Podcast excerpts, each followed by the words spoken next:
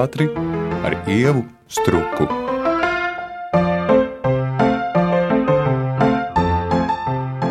Mana viesņa raidījumā Šņurbēniņa šodien ir mākslinieca Anna Heinrichsone. Sveika, Anna! Sveika! Biju iecerējusi sarunu sākt citādi, bet tu iedevi pavisam negaidītu pavadienu. Tu aptaustīji ar roku šņurbēniņu studijas sienas un teici, rekāds roku darbs. un tad man ir jautājums, kā tu iekārtotu teātris šņurbēniņus, ja tev tiktu dots tāds uzdevums? Oh, jā, interesants jautājums. Nu, redz, tur jāsaprot, vai tā ir tehniskā telpa, vai tā ir telpa, kur nolīst un paslēpties. Jo par šņurbēniņiem, protams, ir viens, kā viņi funkcionē izrādes laikā un izrādes vajadzībām, kas tur atrodas, un otrs ir visādi gadījumi un stāsti, kas tur notiek citā laikā, pēc pirmizrādēm, piemēram, vai kā. Nu, es tu vairāk Jā. uz to otro pusi. Tad uh, tur man liekas, jo mazāk tajā telpā jaucās iekšā, jo labāk, jo, piemēram, es zinu, ka dēls teātrī, droši vien, ka tagad tā vairs nav, bet tur bija iekārtots tāds atpūtas stūrītis, Jo dēls teātrī bija viena gaismu operātora, teiksim, kas vienmēr ar to saucamo pušku darbojās, nu, to staru. Un uh, vienā tieši tādā pēc pirmizrādes, kaut kādā liela pirmizrāde bija, un kā, protams, ka visi klejoja pa visu teātru un pilnīgi nelegāli mēs uzkāpām šņurbēniņos un atklājām tur tādu midziņu. Tur bija tādi spilveni, nu, ļoti ērts tāds budārs. Ja? Un tas bija tiešām superīgi, ja tu redzi, nu, tā tāds dievs, apmēram, jā, un ko tu gribi, tu izgaismo, nu, fantastiski. Nu, neko labāk arī mums nevajag, tādas pilventiņas un tā, lai tā mīkst sēdēt un var gaidīt īsto momentu. Jo manā iztēlē šņurbēniņa tiešām ir tā vieta, kur nu, atpūšas tie, kas ir aizgājuši un turklāt mūžībā, bet visi mūžu te teātrī pavadījuši. Tad iedomājieties viņus uz tiem spilventiņiem. Tas var jā, tā ir tāda eņģelīša, jā.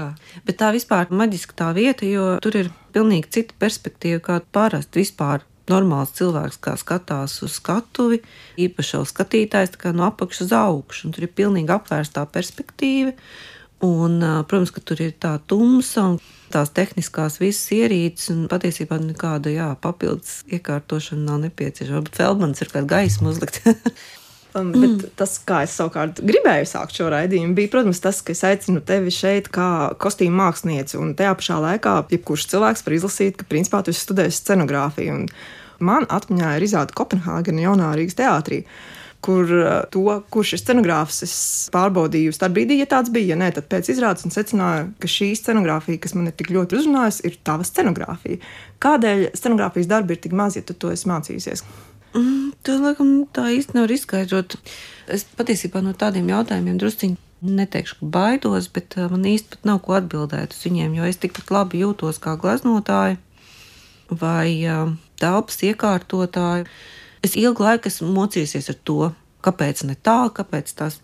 Bet uh, es kaut kādā mirklī sapratu, ka es pavadu pilnīgi neliederīgu laiku uzdodot sev šos jautājumus, kas patiesībā nav no manis atkarīgi. Uh, Jo neslēpsim, scenogrāfs vai kostīm mākslinieks vai jebkurš, kas strādā teātrī, ir atkarīgs no pasūtījuma. Un uh, es vienkārši beidzu uzdot sev šo jautājumu un nolēmu darīt to, kas man nāk priekšā, un uh, to, kas man tiešām interesē. Un ņemot vērā to, ka man interesē tik daudz tās jomas, dažādas, kas saistītas ar mākslu, tad es it kā to pat tā. Uh, nu, negribu likt tādās kaut kādās nosaukumu kastītēs. Bet tā Kopenhāgena man vispār tā izrāda ļoti patika, jo arī tas saturs tur bija tik interesants un tas viss kopā, kāda bija tā mūsu komanda, kā mēs strādājam, tas bija ļoti aizrautīgi. Jā. Es to vairāk jautāju tādēļ, ka man liekas, ka kostīm mākslinieks to tandēmu ar uh, režisoru ļoti bieži veidot pastāvīgi, bet tajā pašā laikā ciešāks tandēms varētu būt, bet tur arī mani apstrīdēt, ir uh, scenogrāfam un kostīmāksliniekam, jo viņi veido to kopējo ainavu. Un tajā brīdī, ja tev ir tās prasmes arī veidot telpu, tad ir ļoti interesanti, ka tie pienākumi sadalās, jo nevelti tomēr gan uh, Vladislavs Nastāvšais vai Alvis Hermans, un, piemēram, tajā pašā Baltijas gradzanā pat viesturs Kairšs uzskatīja, ka viņš var veikt visas šīs funkcijas vienlaikus. Un tāpēc liekas, nu, ja tev tās prasmes nu, ir. Man jāsaka tā, ka režisors, kurš ir spējīgs un veiksmīgi spējīgs to izdarīt, tas ir ļoti liels talants, un ne visi, kas to metās darīt, ir uh, vinnētāji. Bet um, man liekas, tas ir atkarīgs no no cilvēka. Jo, piemēram, mēs, kad strādājam rindu roku, tad uh, mēs esam tādā sakabē, ka tur pat nevar neko paralēli vispār Nevar izkļūt no tā apļā ārā, kamēr tu esi tajā procesā, un nav svarīgi, kāda virziena mākslinieks tu esi. Ja? Un tas, man liekas, ir atkarīgs jā, no personības, ar ko tu strādā. Un arī no tā, cik es gribu viņus ieiet uh, dziļumā tajā tēmā. Es, protams, varu uzzīmēt vienkārši, nu, kas tur uzzīmē kaut kādu kostīmu. Bet uh, es parasti domāju, kaut kādas paralēlas, kaut kādas tipāžas meklēju, tad es meklēju atsauces mākslā, tad es mm, domāju, ko tas tēls ir darījis pirms tam, ko viņš darīs pēc tam. Nu, tā kā uztaisu to stāstu vai to, to attēlu pati sev. Varbūt viņš noder aktierim. Nu, protams, ka es dalos ar tām savām visām pārdomām tā tālāk. Un tas man svarīgi pašai, lai nebūtu vienkārši tā kā zīmējums kaut kādai tur uh, modes skatei bet lai tas būtu ar to saturu saistīts. Un šajā gadījumā es domāju, ka tieši tā sakābe ar tiem, kas darbojās, viņi ir mega lielāka nekā scenogrāfam savukārt. Protams, ideja un telpa nosaka visu noskaņu, bet te pašā laikā ārprātīgi svarīgi, cik ērti tas aktieris jūtās tajā drēbēs, cik tas atbilst viņa tēla raksturam, un tas tik šausmīgi dažreiz sanāk sarežģīti, jo Nu, pirmkārt, ir grūti ielīst otru cilvēku galvā, ja, lai saprastu to viņa domu gājienu. Tad ir režisora vīzija, jo noteikti režisors jau ir ietērpis kaut kā savā galvā tos tēlus, un tad uh, ielobīt to un vēl spēt ielikt to savu domu. Nu, tur beigā tāda bīza jāspina. Piemēram, tagad uh, mēs strādājam ar Māru Čimeli, Valmieras teātrī pie vēlās mīlas, kuras kā reiz taisa scenogrāfiju. tā telpa būs netipiska, jo teātris rekonstrukcijā šobrīd mēs spēlēsim citā vidē. Nu, izrāda notiks. Un es esmu ļoti priecīga, ka es varu tos abus apvienot, jo tad es varu veidot to kopējo noskaņu ne tikai ar kostīmiem, bet ar telpu, visu kopā ar gaismu. Es daudz arī domāju par gaismas uzstādījumu, kā tas tiks izgaismots. Un tas ir forši, ka es daru abas divas tās lietas, jo es varu kontrolēt, kā es gribu, lai tas izskatās kas kurā mirklī uzmirst, teiksim tā. Bet, protams, ir Māras ķīmēls faktors, jo Māra ļoti prasīga un viņai ir sava bilde galvā, un tad, jā, tur mums ir tāda slīpēšanās. Tu pieskāries tēmai, ko es nevaru turēties pretī kārdinājumu, mazliet vēl paturpināt. Proti, pat šeit, šņobēniņos, vismaz divās sarunās ar aktieriem, es esmu jautājis, nu, kas notiek ar to tēlu pēc izrādes. Un Mākslinieki atzinās, ka viņi ir spiesti un arī daudz domā par to, kas notiek pirms izrādes ar viņu tēlu, bet par to, kas notiek pēc izrādes, viņi nemaz tā nav aizdomājušies. Un tu kā kostīm mākslinieci savukārt tikko pieminēji, ka tu mēģini par to domāt. Konkrēts piemērs parasti, mm. protams, ir grūti atcerēties, bet kāpēc tev tas šķiet svarīgi? Nu, var salīdzināt ar angļu valodas gramatiku uh, ilgstošo laiku. Man ir svarīgi tas, ka es skatos uz to izrādes notikumu vai stāstu, ka mēs pieslēdzamies kaut kādai līnijai šajā momentā, bet tā līnija ir bijusi pirms tam un aiziet tālāk pēc. Tas nav nogrieziens, tas ir tāds punkts, vienkārši ieskaties, un tas turpinās. Un, ja to visi spēja izdarīt, tad tas stāsts veidojās tiešām dzīves. Bet, ja to skatās kā tagad, mēs sākam un tagad beidzam, Nevien visi varoņi nenomirst, tad, bet arī pēc tam kaut kas turpinās. Nu, kā piemēram, līrā.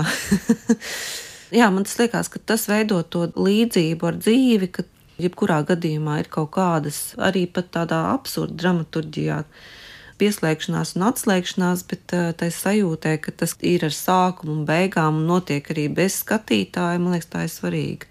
Svarīgs paņēmiens, teiksim tā pēc padarīta darba sēdi zālē un notiek izrāde. Vai tev ir būtiskāk, lai tevis radīti kostīmi eh, perfekti ieguļ tai kopainā, vai, vai tas kostīms būtu harmonijā ar aktieri, kam tas ir mugurā?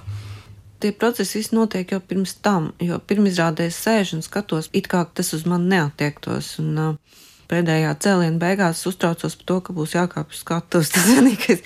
Un citreiz ir tā, ka tiešām tu skaties tā kā citām nepiesaistītām acīm. Un tad ir ļoti interesanti, jo tu pēkšņi ieraugi to kopainu. Bet pirms rādēt, beidz par to domāt un aizmirsti un noskaties un viss.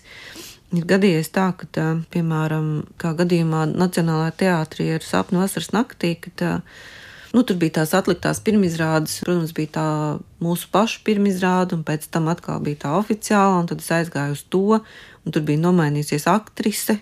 un viņai bija uzvilktas citas aktrises tēps. Nu, protams, ka es sāku dīdīties krēslā, un nu, vai tas tiešām nevarēja man paprasīt, viņai taču ir cits izmērs. Un tad es prasīju citiem cilvēkiem, ar ko es biju kopā uz šo pirmo izrādi, vai jūs pamanījāt?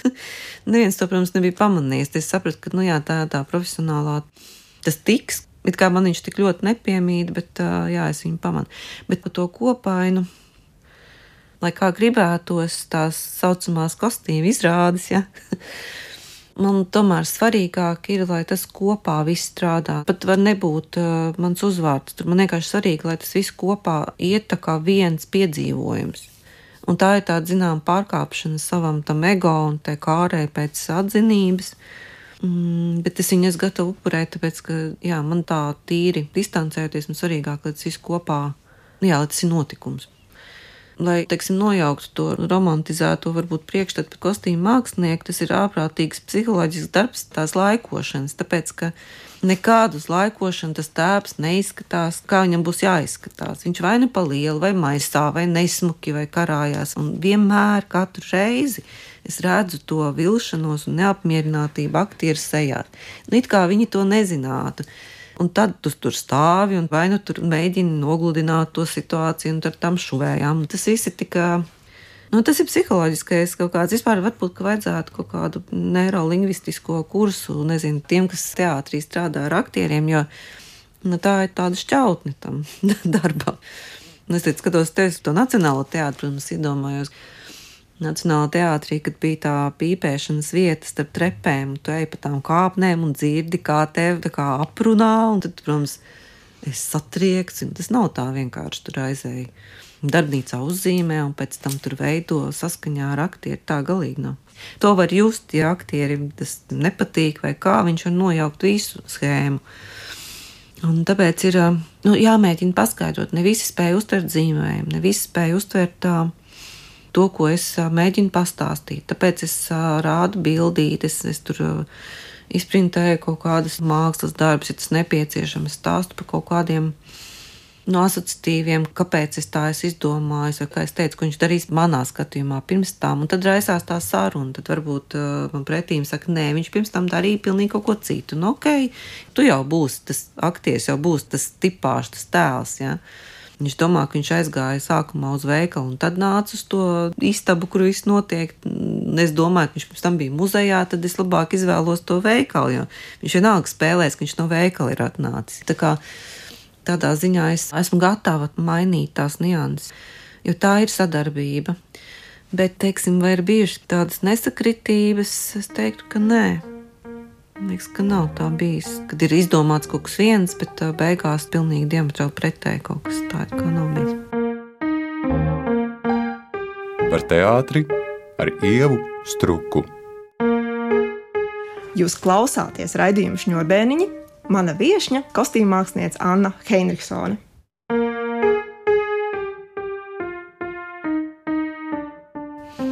skatoties tavu ļoti plašo izrāžu sarakstu, nomacošs vairums ir tādu lielu filmas inscenējumu. Tiešām tas ir milzīgs darbs, nerunājot par psiholoģisko, bet arī tīri fiziski. Es domāju, apģērbt lielu, lielu aktieru ansamblu. Un tomēr ir arī šie mazie kameras stila darbiņi, kur aktieris atrodas metra attālumā bezmaz no skatītāja, kur redzama ir katra vīle. Kas varbūt ir grūtāk? to attālumu rēķināt, ka tu zini, ka nu, ieraudzīs pat materiālu, vai tomēr milzīgā glezna uz lielās skatos, jebkurā teātrī. Man liekas, ka ne visi var tos lielos instrumentus, tāpat kā ne visi režisori viņus var iestudēt. Pirms tiem lielajiem man ir gadījies tā, ka vienkārši izmisums, es nesaprotu, kas kurā mirklī nāks. Parasti tajos lielajos iestudējumos ir tā, ka vairāki aktieri spēlē vairākas lomas, un tad es vēl kombinēju, kad viņš varēs noiet, pārģērbties. Nu, atsakot, tas sākumā ir tāds izmisums, ka neko nesaprot, tiešām nesaprot. Un tad ir tāds, tev liekas, pirms lekšanas tajā kraujā. Savukārt, no otras puses, tā pieredze rāda, ka vienmēr viss ir kaut kā noskaidrojies un kā Tad neatceros, kas to teica, kad uh, neviens jau pliks uz skatuves nav izgājis. Nu, pārfrāzēs tieši gribēju teikt, ka blaumanim skrudēdienās ir katra no plika, esi bērns. Jā, jā, jā, jā, nu, jā nu, tieši tā. Un, un tad ir nākamā stadija tajos lielajos iestudējumos, kā tu ieej tajā azartā, sāc tās kombinācijas taisīt, sāc tā kā tām masām spēlēties, tur var dabūt krāsu laukumus. Veidot to attēlu no aktieru tiem ķermeņiem, tas ir ārprātīgi aizraujoši. Mm, ja vēl ir saskaņa režisora, ka tu mm, spēj ar viņu to visu izrunāt, tad tas ir baigais gandarījums. Bet, kas attiecās uz tām vīlēm, tad tam jau nav starpība. Tāpat viss tekstūras un faktūras jau notiek arī tajā lielajā. Jo gaismā tikpat labi var nospēlēt arī tā auduma tekstūra pat pa sevi. Bet mazajos, jā, tur ir tāda, tāda pērlīša izšūšana, jā, tā līdzībās runājot. Tur arī tās nianses, piemēram, tagad uh, arī Valmies teātris izrādē, kam no Vulfkundas bail skatītāji ies uz to izrādi, lai viņi tā kā osta gaisu, jo aktrise tik tuvu noiet garām, kas vienā mēģinājumā saprata, ka viņai jāsmaržo tieši tā. Un tad uh, abas aktrises katrai savu smaržu, un tad viņas sasmaržinās pirms tās izrādes līdz tādām niansēm. Ja? Tas atkal ir cits kaifs, dabūt to trešo maņu kaut kādu, ja ka tev paiet garām, un viņš tiešām uzvēdīt. Tā ir tā starpība ar kīnā, ka tu vari vēl arī iedot to smaržu tajā mm, zālē, pieslēgšanās pie tā notikuma līdz tādam līmenim. Es par to šādi domāju tieši par tām smaržām un smakām, kas patiesībā tiek ļoti maz izmantotas. Varbūt tas ir neuzmanības dēļ, bet varbūt arī īstenībā tas arī ir ļoti riskants izteiksmes līdzeklis ja kostīms vai scenogrāfija tev kairina acis vai skaņu partitūra ausis, tad tomēr maņa orgāns, kas saistīts ar ožu, viņš tāds, man liekas, ārkārtīgi arī individuāls. Un tur var būt tā, ka tu izdari kaut kādu arī. Jau tie gadījumi, kad tiek kaut kas cepts uz skatuves. Un... Publiski visi vēderi atsaucas. Jā, vēderi rūdas, bet um, ceptas ir superreālisms, bet uh, tieši tas, kas attiecās īpaši kameras zālēs uz to, kā tas tēls smaržo, man liekas interesanti to turpināt, jo Es, piemēram, ļoti esmu sensitīvs smaržām, un, pat vienkārši uz ielas, ja kāds paiet garām, tu sajūti to smaržu, un te uzreiz kaut kāda bilde izveidojas par to cilvēku, un smarža ir tāds iedarbīgs um, veids. Piemēram, es iekārtoju izstādi, kur bija Vasiljeva tērpa kolekcija. Otrā pasaules kara laika tērpi, un uh, viens no tiem tērpiem bija tāds apgalvojums, ka tas ir Hitlera sievas Evas Brauna kleita Tas bija Liepais muzeja filiālē, kas okupācijas muzejs nelās. Un tur bija iespēja atsevišķu tāpu uztaisīt šim tērpam vienam pašam. Un tad uh, mēs veicām tādu pētījumu, kādas smaržas bija tajā laikā modē. Diezgan vecmodīgi tā buķeti, tur bija gan roza, gan lavanda, viss kaut kas tāds. Un tad uh, sakombinēju to smaržu caur vienu smaržu ekspertu, un tajā telpā smaržoju tas marža pat par sevi bija mūsdienām tāda šķebīga, bet man liekas, ka tas tieši bija forši, ka tu ieej tajā telpā un te uzvērtīt, un tā kleita arī tāda zīde ļoti tipiski tam laikam. Un pat ja tā smarža bija tāda neuzbāzīga, vienalga es uzskatu, ka viņa uzbūra to laikmetu un personības, to noskaņu, to bildi tieši domāju, ne gluži tiešām arī šo ēst gatavošanas smaržu, kas ir naturālisks stila izrādēs, mm. aprobēts paņēmiens. Bet to, ka man liekas, kā tiešām mūsdienās varētu, ja darbība ir pavasarī, to pavasara mm -hmm. sajūtu dabūt gaisā, vai, piemēram, tās ir skrodedienas, ka tas, ko var dabūt no tām īstajām mējām vai īstiem mm. vainagiem, tev ir uzreiz skaidrs, ka tas ir pirms jauņa laiks, tas vai ir rudens strūdēšana. Ja? Vēl jau interesantāk, ja izrāda notiek ziemā, un tad tu spēj to vasaru, to smaržu dabūt iekšā. Un Es, piemēram, bieži ziemā iztēlojos, ka ir vasara, un man liekas, tā kā tāda spēle, ja tu tā kā kaitini sev ar citu gada laiku, to sajūtu. Jā, un vienreiz bija arī tāda pieredze, ka um, šķiet, ka tas bija Cēlus mākslas festivāla ietvaros koncerts, ko bija aicināta režisēt Indra Roga. Viņš bija cēsīs tirgu tādā vienā slēgtā paviljonā. Viņa man pieaicināja, lai es iekārtoju to telpu, un es saliku visa grīda bija ar uh, kalmēm. Un cilvēki vienkārši ejot pa to grīdu, viņi paši viņi saspieda un to smaržu radīja. To jau pilnībā pietika, jo tā telpa tika uzbūrta jau ar to smaržu tikai. Ko patiesībā es nošpikoju no vienas baznīcas. Tas man ir pārsteigums.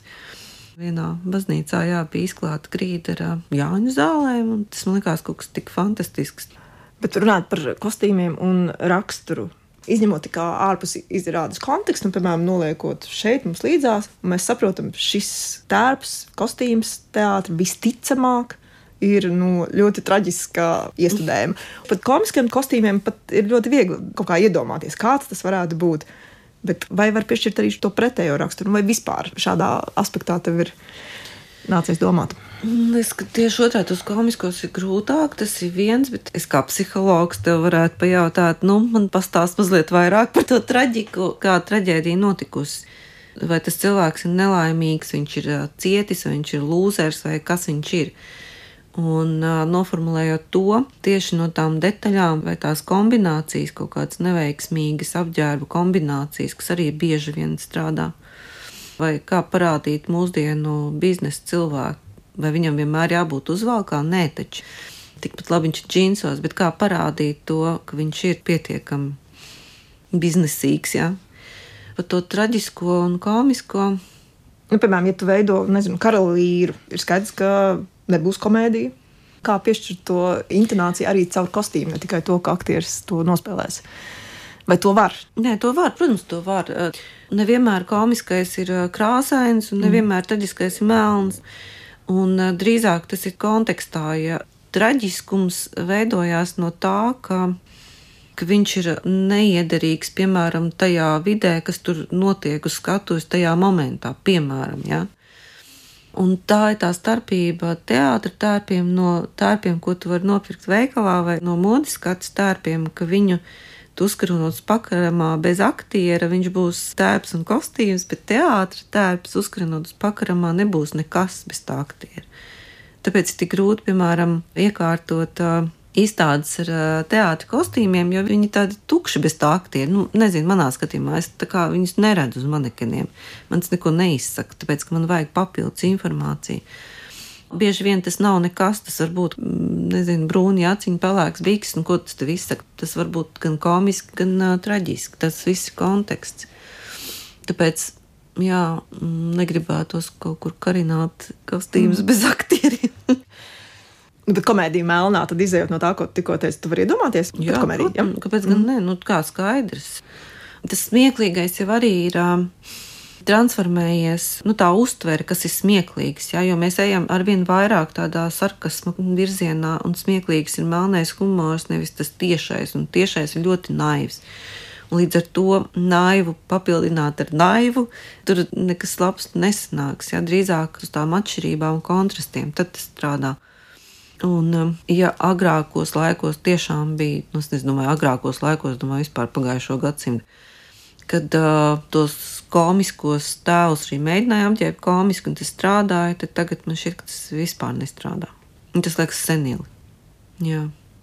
Skaidrs, ka kostīm māksliniekam strādāt pie jebkura cita gadsimta stilizācijas ir droši vien nu, arī ļoti radoši un, un interesanti. Un par to liekas, nav šaubu. Bet, teiksim, iestudējumos, kas runā tiešām par šodienu, tas ir grūti vai Tas ir baigi grūti. Tas ir šausmīgi. kā piešķirt to māksliniecisko vērtību šodienas Tas ir, cilvēkam. tas ir ļoti, ļoti grūti, tāpēc ka katram ir savs priekšstats. Nu, tas ir ļoti grūti.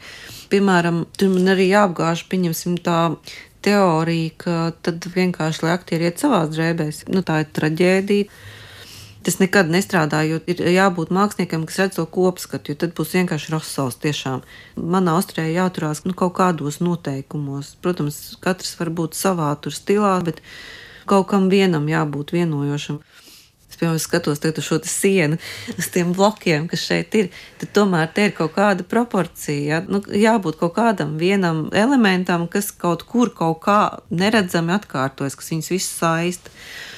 Tāpēc nedrīkst ļaut pašiem ģērbties. Bet um, jā, man ir bijusi tā pieredze, un es nekad neesmu bijusi līdz galam apmierināta, kas ir sanācis, kad ir tāds pilnīgi mūsdienīgs laiks un apģērbs skatuves.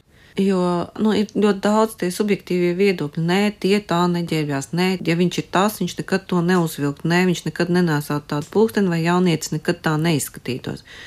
Un um, tad, kad ir bijuši tādi gadījumi, īpaši, nu, ja jauniešu tēlu skatus, tie aktieri jau nav nekādi jaunieši. Tas jau ir klupšanas akmens.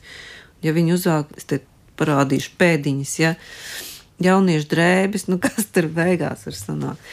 Bet vienalga arī, ja ir tādi gadījumi, es vienmēr pārprasu kādam jaunākas paudzes cilvēkam, vai tas tā var būt, ja? vai tas ietrāpa. Lai nav tā, ka atnāk kāds tās paudzes skatītājs un sāk vienkārši smieties. Un tas ir traģiski. Tas ir traģiski. Runājot vēl par paudzēm, mēs Latvijā runājam tiešām par scenogrāfijas skolu, par Andra Freiberga skolu un vēl senākām skolām, kā viņas pārmantojās. Kā ir kostīm mākslā? Labi, tu esi studējis scenogrāfiju, bet vai tu pati jūti, ka tu kļūsti par skolotāju kādām jaunāku mākslinieku paudzēm? Kā vispār kostīm mākslā runāt par skolu, vai nav vērts to darīt? Zini, kā nē, tur ir mazliet savādāk, jo tā saucamā Freiberga skola, kas vēl ar vienu turpinās, jo viņa skolnieki turpina skolot uh, kursus jaunos. Mums nebija atsevišķi kostīmu nodaļa vai novirziens. Un vispār tā skola, ko es ieguvu, bija vairāk par domāšanu, nevis par uh, kaut kādām tehniskām lietām. Jo, kad es pabeidzu akadēmiju, es pat nezināju, kā, ko sauc uz skatu, es pat nezināju neko. Es drīzāk varētu teikt, ka ir kaut kādas līdzības, līdzīga domāšana vai līdzīgi kaut kādi paņēmieni tieši kostīmu nozarē. Tad uh, es domāju, ka uz mani attiektos kaut kādā ziņā Večels Varslavāns tā līnija, jo man viņa ļoti patika kā personība, viņa bija fantastiska.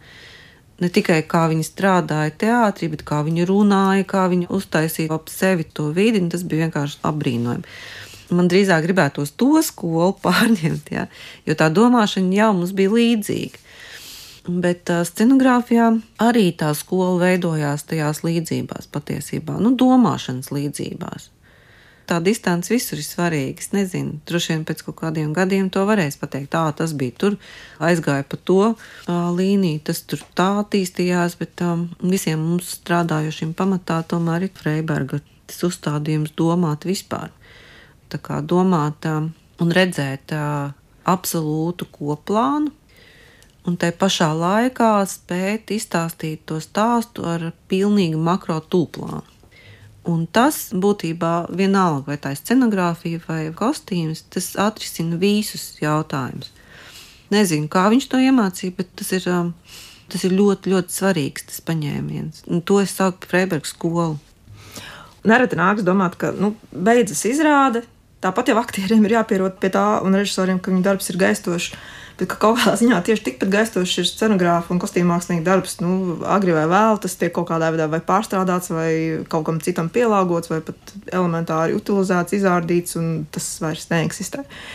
Vai ir kāds kostīms, kuru, ja ne gluži tu gribētu redzēt uz ielas, ejot sev pretī, bet par kuru tev liktos, nu, šim būtu jāpaliek, nezinu, vēsturei? Jā, Patiesībā tā ir baigta sāpīgā tēma, jo es pati esmu bieži gājusi teātrī noliktavā, meklēt tērpus, kurus varētu izmantot un pārstrādāt savām vajadzībām. Vienmēr man ir tā šausmīgā nu, tā nērtības sajūta, ka, ka es ņemu citu mākslas darbu un pārtaisu. Tas ir process, nu, viņš ir gaistošs, jā, viņš ir tāds. Un arī īpaši, ja, piemēram, ir nepieciešama izrādē nevis jauns tas tērps, bet viņš kā piedzīvojis savus laikus, un tā nav nekas labāks kā kostīmu noliktā. Bet ir, jā, ir tērpi, nu, Hamleta tērpi, kas bija ļoti pāragri aizgājušai izrādē, jā, Valmieras teātris to arī īsti nesaprotu, kāpēc tā notic. Ir arī tādi, kas ir pavisam neuzkrītoši, kur vienkārši es esmu pati kaut kādas žaketes tur eh, bružājusi un krāsojusi un berzējusi, lai viņas izskatās vecas. Ja. Bet nu, atkal jāatkārto, ka tā, viņi bez tā aktiera, nu, viņi nav nekas. Tas ir vienkārši mans roku darbs, nu, labi, roku doma darbs.